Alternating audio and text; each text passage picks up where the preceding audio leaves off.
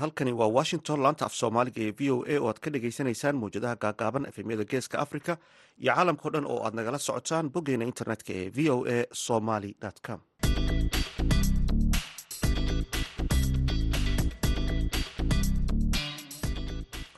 duhur wanaagsan dhegaystayaal waa maalin arbaca bisha oktoobarna waa labayo toban sanadka labada kun labaiyo labaatanka. Afrikada bari saacaddu waxa ay tilmaamaysaa kowdii iyo barhkii duhurnimo. Idaacadda duhurnimo ee barnaamijka dhallinyarada maanta waxaa idinla socodsiinaya anigoo ah xuseen barre aadan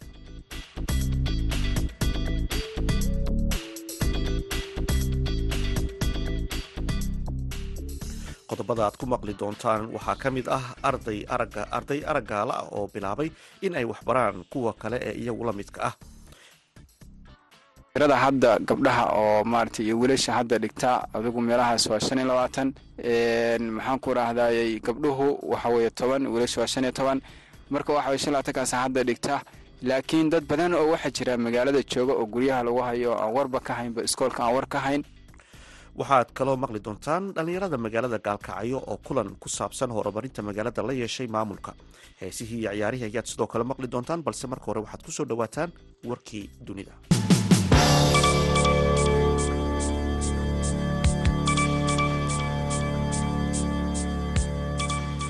Dadka u dhaqdhaqaaqa xuquuqda aadamaha ayaa walaac ka muujiyey xakamaynta mudaharaadyada ka socda magaalo ay u badan yihiin kurdiyiinta oo ku taala galbeedka iiraan amnesty international ayaa sheegtay in ay jiraan warar sheegaya in ciidamada ammaanku ay si aan kala sooc lahayn u isticmaaleen hub magaalada sanandaj kooxda u ololeysa xuquuqda aadamaha ee kurdiyiinta ayaa baahisay muuqaal ay ku sheegtay in uu muujinayo booliska oo rasaas ku furaya qaar ka mid a guryaha magaalada waxaana muuqaal kale laga maqlaya rasaas iyo qayladhaan ururka ayaa sheegay in ugu yaraan shan qof oo rayida lagu dilay guud ahaan gobolka laguna dhaawacay afar boqol oo qof tan iyo axaddii la soo dhaafay.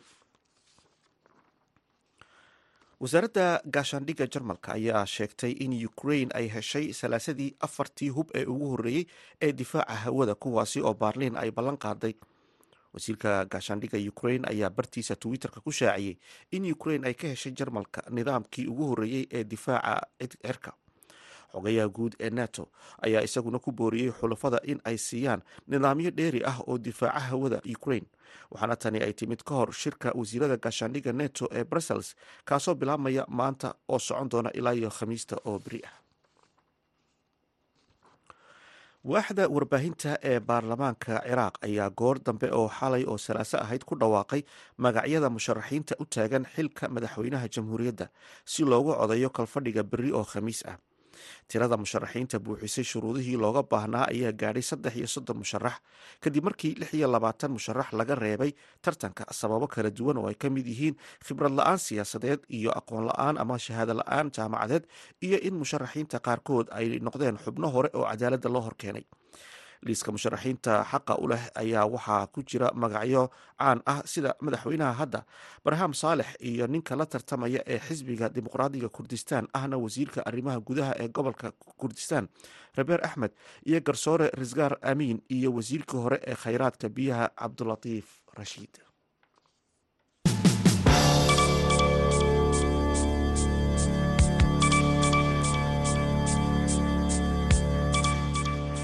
halkaad nagala socotaana waa laanta af soomaaliga ee v o a.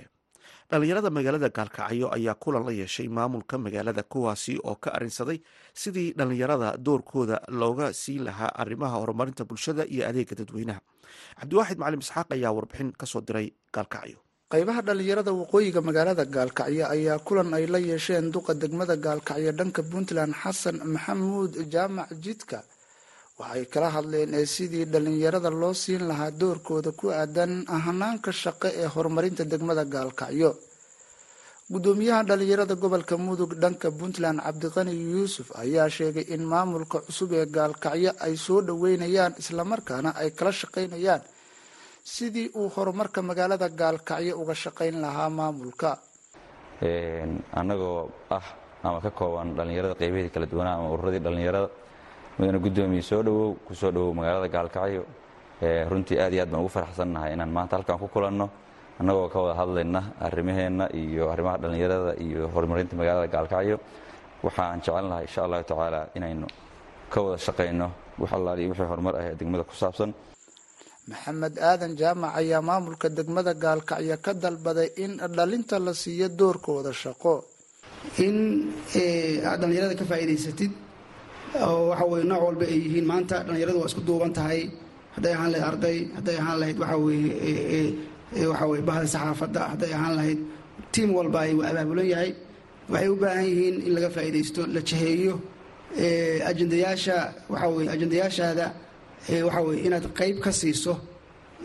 Aysan noqonin waxaan ku rahdaa dad waxa weeye un markii xaflad jirto un ka soo qaybgalaya ay noqdaan dad shaqooyinka ka socda waxa weeye dowladda in laga qaybgeliyo oo ay ka qaybgalaan waxaan isleenahay haddii shaqooyinka ka socda waxa weeye degmada ay dhallinyaradu ka qayb gasho waxay hayaan fikiro cusub waxay hayaan hal abuur waxay hayaan maskax freesha uma fakeraan sida dadka qaar ay u fakeraan waxay u fakeraan in horumarkooda iyo mustaqbalkooda wax wax ku soo kordhinaya inay mar walba arkaan sidaa daraaddeed waa cidda keliya ee mudan in wax laga siiyo talooyinka ee talo la gaaray ku dhaqaajinteeda wax ka qabashadeeda keliya aan loogu yeerin miiska talada lagu gaaray ee wax ka fadhiistaan.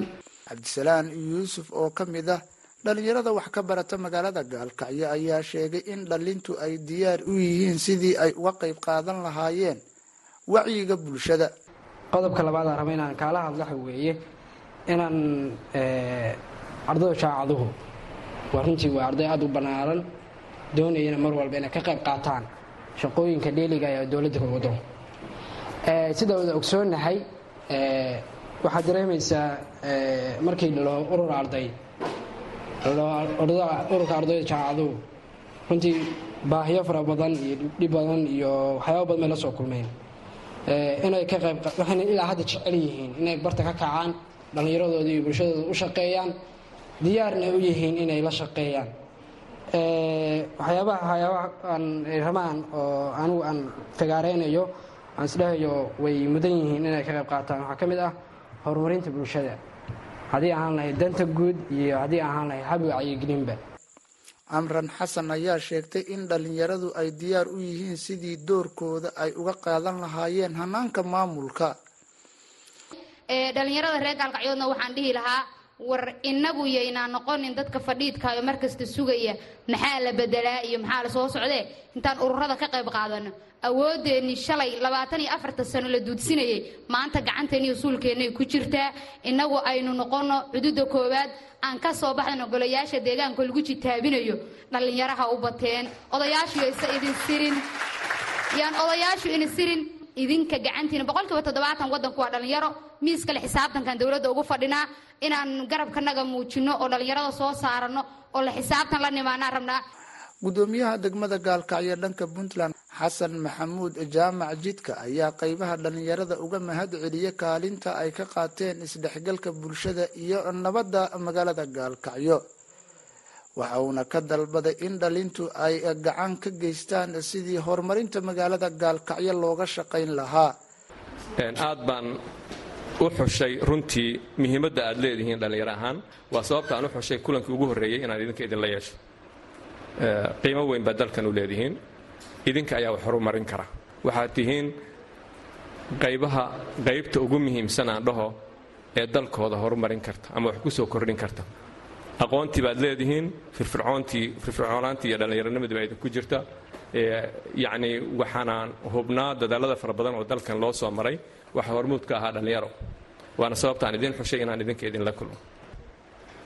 Marka labaadna waxaan ka wada shaqayn doonaa waan rabaa inaad igala shaqaysaan aan ka wada shaqaysanno kulligan adeegayaal baynu nahay. Annagu dadka qoladeedaan mushaaraadka qaadato oo xafiisyada fadhiisataa shaqaalaana laakiin runtii waxa aan qaban karnaa waxay noqonayaan bercentage yar.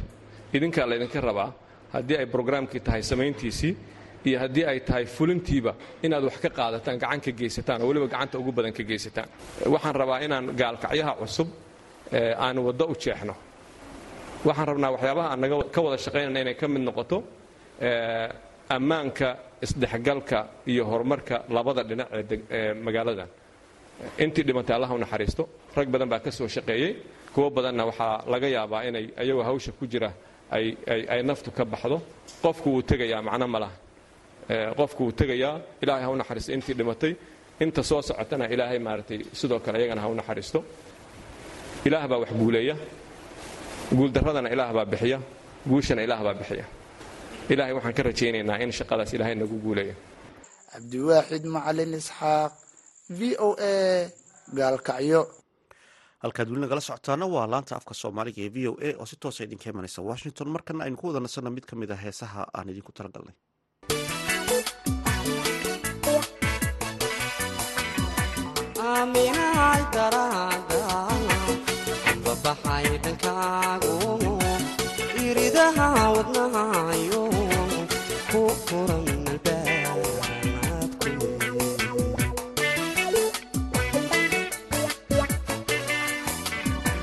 aaminahay daraada babaxay dhankaagu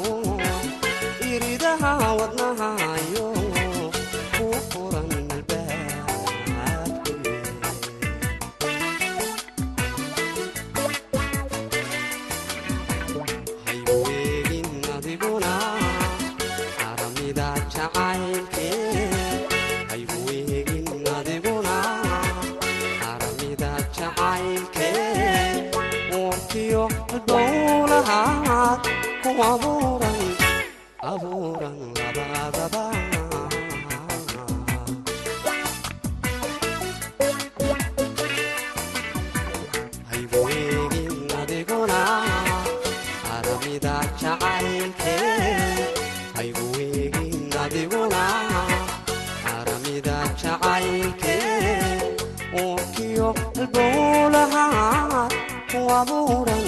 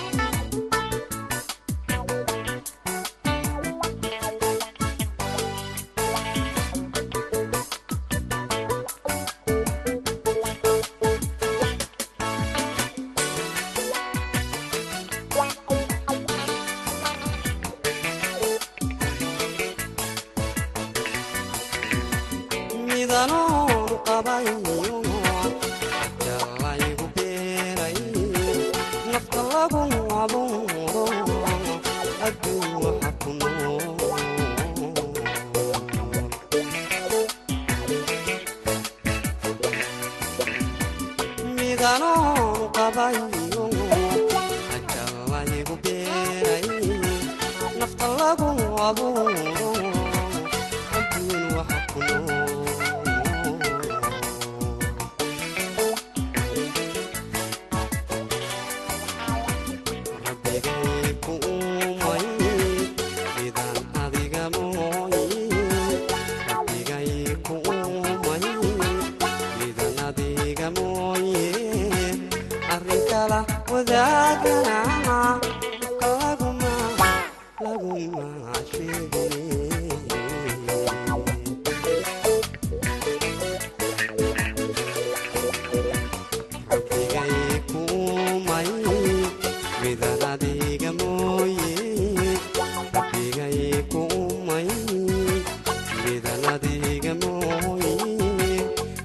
kala wadaagna ifka laguma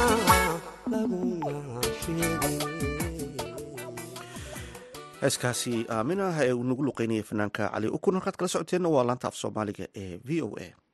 Dhalinyaro horey wax u baratay oo aragga naafo ka ah ayaa magaalada boosaaso ka bilaabay in ay aqoontooda uga faa'iideeyaan dadka kale ee aragga uu ka maqan yahay kuwaasi oo aan helin waxbarashada asaasiga ah cismaan axmed faarax oo ka mid a dhallinyarada hirgelisay iskuulkaasi ayaa sheegay in baahi waxbarasho ay qabaan darteed dadka araggala ay u sameeyeen iskuulkan si waxbarashada aanay uga habsaamin. Arrimahani ayaa waraysi ka siiyey yuusuf maxamuud yuusuf anigu waxaan ahay macalin ka soo qalinjabiyey jaamacadda bariga afrika. Markii horena dhigan jiray iskool albasar la yidhahdo oo ku yaalla garowe. Kabacdi markaa iskoolkaa dhammaynay waxaanu gallay annagoo ah arday badan macadka khadiija binti khuweyled kabacdi markaa dhammaynay jaamacadda bariga afrikaan gallay waa soo dhammaynay kabacdi waxaan maaragtay ku haminay inaanu iskuol ka furno magaalada boosaaso si ay dadka araggala ay uga baxaaniin maaragtay jahliga oo ay u noqdaan dad waxbartay annaguna waa u taaganaha insha alla haddii rabbi idmo. Tirada dhallinyarada araggala ee halkan wax ku barta waa meeqa. Maxayse isugu jiraan? Tirada hadda gabdhaha oo maaragtay iyo wiilasha hadda dhigta adigu meelahaas waa shan iyo labaatan. Maxaan ku rahdayy gabdhuhu waxa weeye toban wiilasha waa shan iyo toban. Marka waxa weye shan labaatankaas hadda dhigta laakiin dad badan oo waxaa jira magaalada jooga oo guryaha lagu hayo oo aan warba ka haynba iskoolka aan war ka hayn oo aan ogeyn waayo maadaama iyo iskool cusub oo hadda la furay si fiican maaragtay loogama warhayo. Marka waxaanu maaragtay ogeysiis iyo maaragtay warbixin baan ku bixinaynaa in iskoolka la yimaado oo la dhigto oo ardayda wax la baro. Horey magaalada boosaaso ma uga jiray xarun noocan oo kalea wax lagu baro dadka aragga la. Ugama jirin magaalada boosaaso puntland baba xarun waxaa ku taalay garow oo ku taalo albase la dhaho. Haddana maaragtay boosaasta maaragtay hadda tii labaad laga furay insha allah waxaan rajaynaynaa dadka gaari waayey oo garowa gaari waayey oo maxaan ku rahdaye aan u helin fursad inay fursad ay ka faa'idaystaan waay dhallinyarada markaad qiimayseen waxbarashadooda ma ahaayeen dad horay wax u soo bartay oo waxbarashada ay u bilaaban tahay? May ma aysan ahayn dad hadda waxaweye farti bareelkaan u bilowna weeye oo hadda akhrinayo oo qoraya muddadii aan la joognay oo aan bil dhammayn waxa weye marka hadda way ku faraxsan yihiin haddaa aragto maarata muuqaalkooda ama hamigooda waxaweye aad iyo aad bay ugu faraxsan yihiin. Wax naga maqnaa oo maarata ilaahay uu noo keenay weeye bay yidhaahdeen. Marka insha allahu tacaala waana maaragtay wayna baran doonaan insha alla annagana waxaa u rajeyn inay guul gaaraan insha allah magaalada boosaaso ee aad bay u weyn tahay sanadba sanad ka dambaysa way sii koraysaa dadka ku nool oo aragga naafada ka ahna waxaa laga yaabaa inay badan yihiin oo qaarkood xaafado fogfog ka yimaadaan.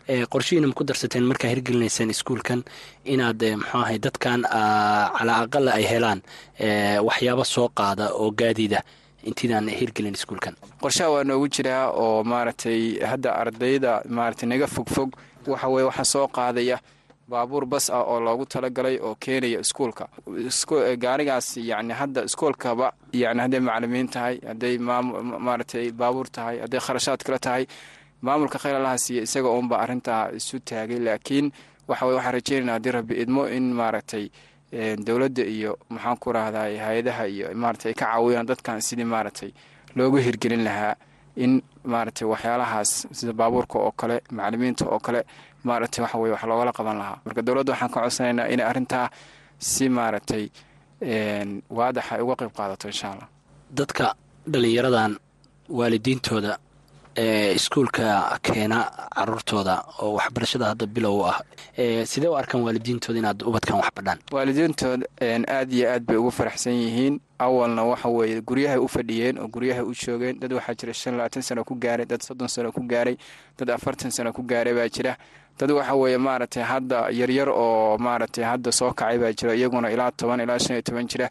Dadkaasi waxa weeye maaragtay waxay yidhahdeen dadka da-doodu ay afartan gaarayso ama ay konton ama ay magaranaysa gaarayso soddon.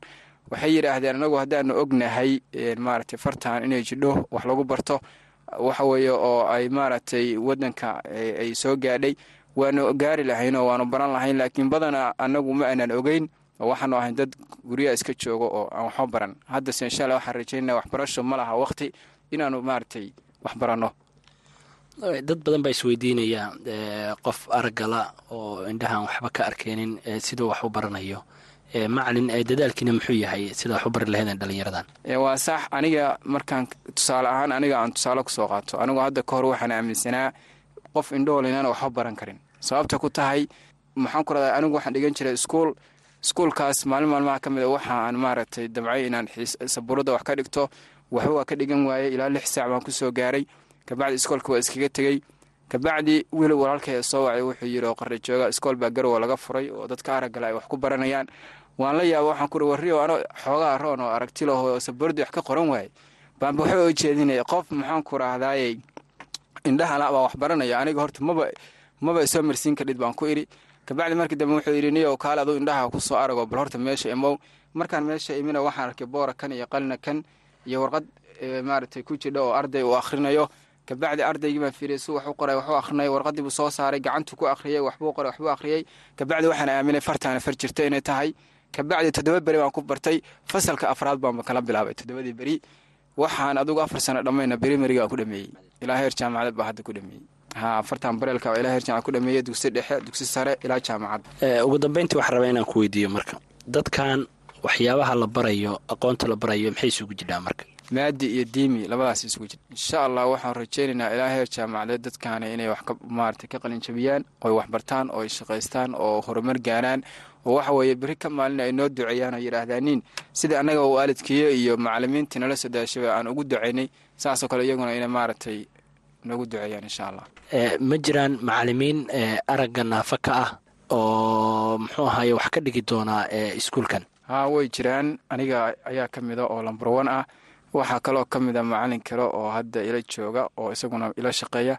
Waxaa kaloo ka mida macalimiin kale aan ballansano iyaguna soo socda. Kullii macalimiinta dhigaysa waa macalimiin aragga naafada ka waxayna tusaale u yihiin dadka ardayda ah oo aan maaragtay haysan waxbarashada oo araggala macalimiintaas ugu yaraan hadda saan rajaynayno inay toddoba macalimiin noqdaan baa jecel ahay laakiin hadda waxaa jooga macalimiinta hadda nala jooga waa saddex.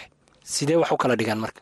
Waxay wax u kala dhigaaniin hadda afarta bareelka ardayda la baraa kabacdi macalimiintu waxay wax u kala dhigayaa nin maadooyinka u kala bilaabayaan macalin wuxuu dhigayaa xisaabta iyo maarata ingiliishka macalin wuxuu dhigayaa carabiga iyo tarbiyadda macalina wuxuu dhigaa maxaan ku radaa maaragtay sayniska waxbay sidaas maadooyinka maarata macalimiintu ay u wada kala dhigaan oo kaleba maarata loogu qaybiyey aad ayuu mahadsan yahay cismaan axmed faarax oo u waramaya wariyaha v o eda yuusuf maxamuud yuusuf. Halkaad kala socotaana waa laanta af soomaaliga ee v o a.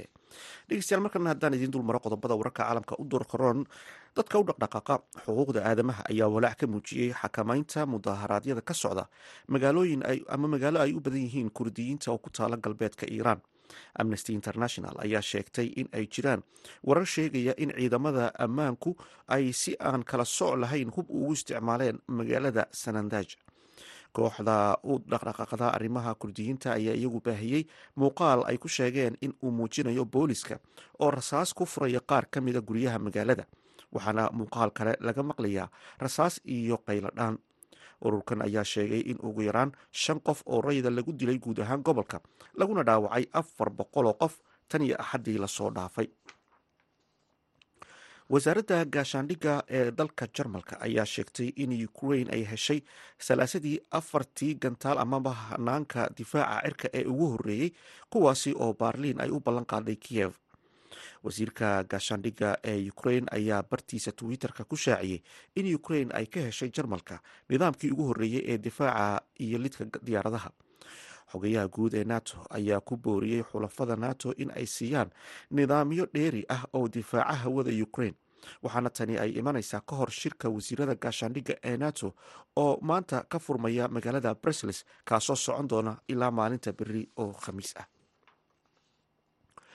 waaxda warbaahinta ee baarlamaanka ciraaq ayaa goor dambe oo xalay ahayd ku dhawaaqday magacyada musharaxiinta u taagan tartanka xilka madaxweynaha jamhuuriyadda si loogu codeeyo kalfadhiga beri oo khamiis ah tirada musharaxiinta buuxisay shuruudihii looga baahnaa ayaa gaadhay saddex iyo soddon musharax. Kadib markii lix iyo labaatan musharax laga reebay sababo kala duwan oo ay ka mid yihiin khibrad la'aan siyaasadeed iyo aqoon la'aan amaba haysasho la'aan shahaado jaamacadeed iyo in musharaxiinta qaar maxkamadaha hore loo horkeenay liiska musharaxiinta xaqa u leh waxaa ku jira magacyo caana oo uu ka mid yahay madaxweynaha jamhuuriyadda haatan barham saalex haatana dhegeystayaal aynu ku wada nasanno mid ka mid a heesaha aan idinku talagalnay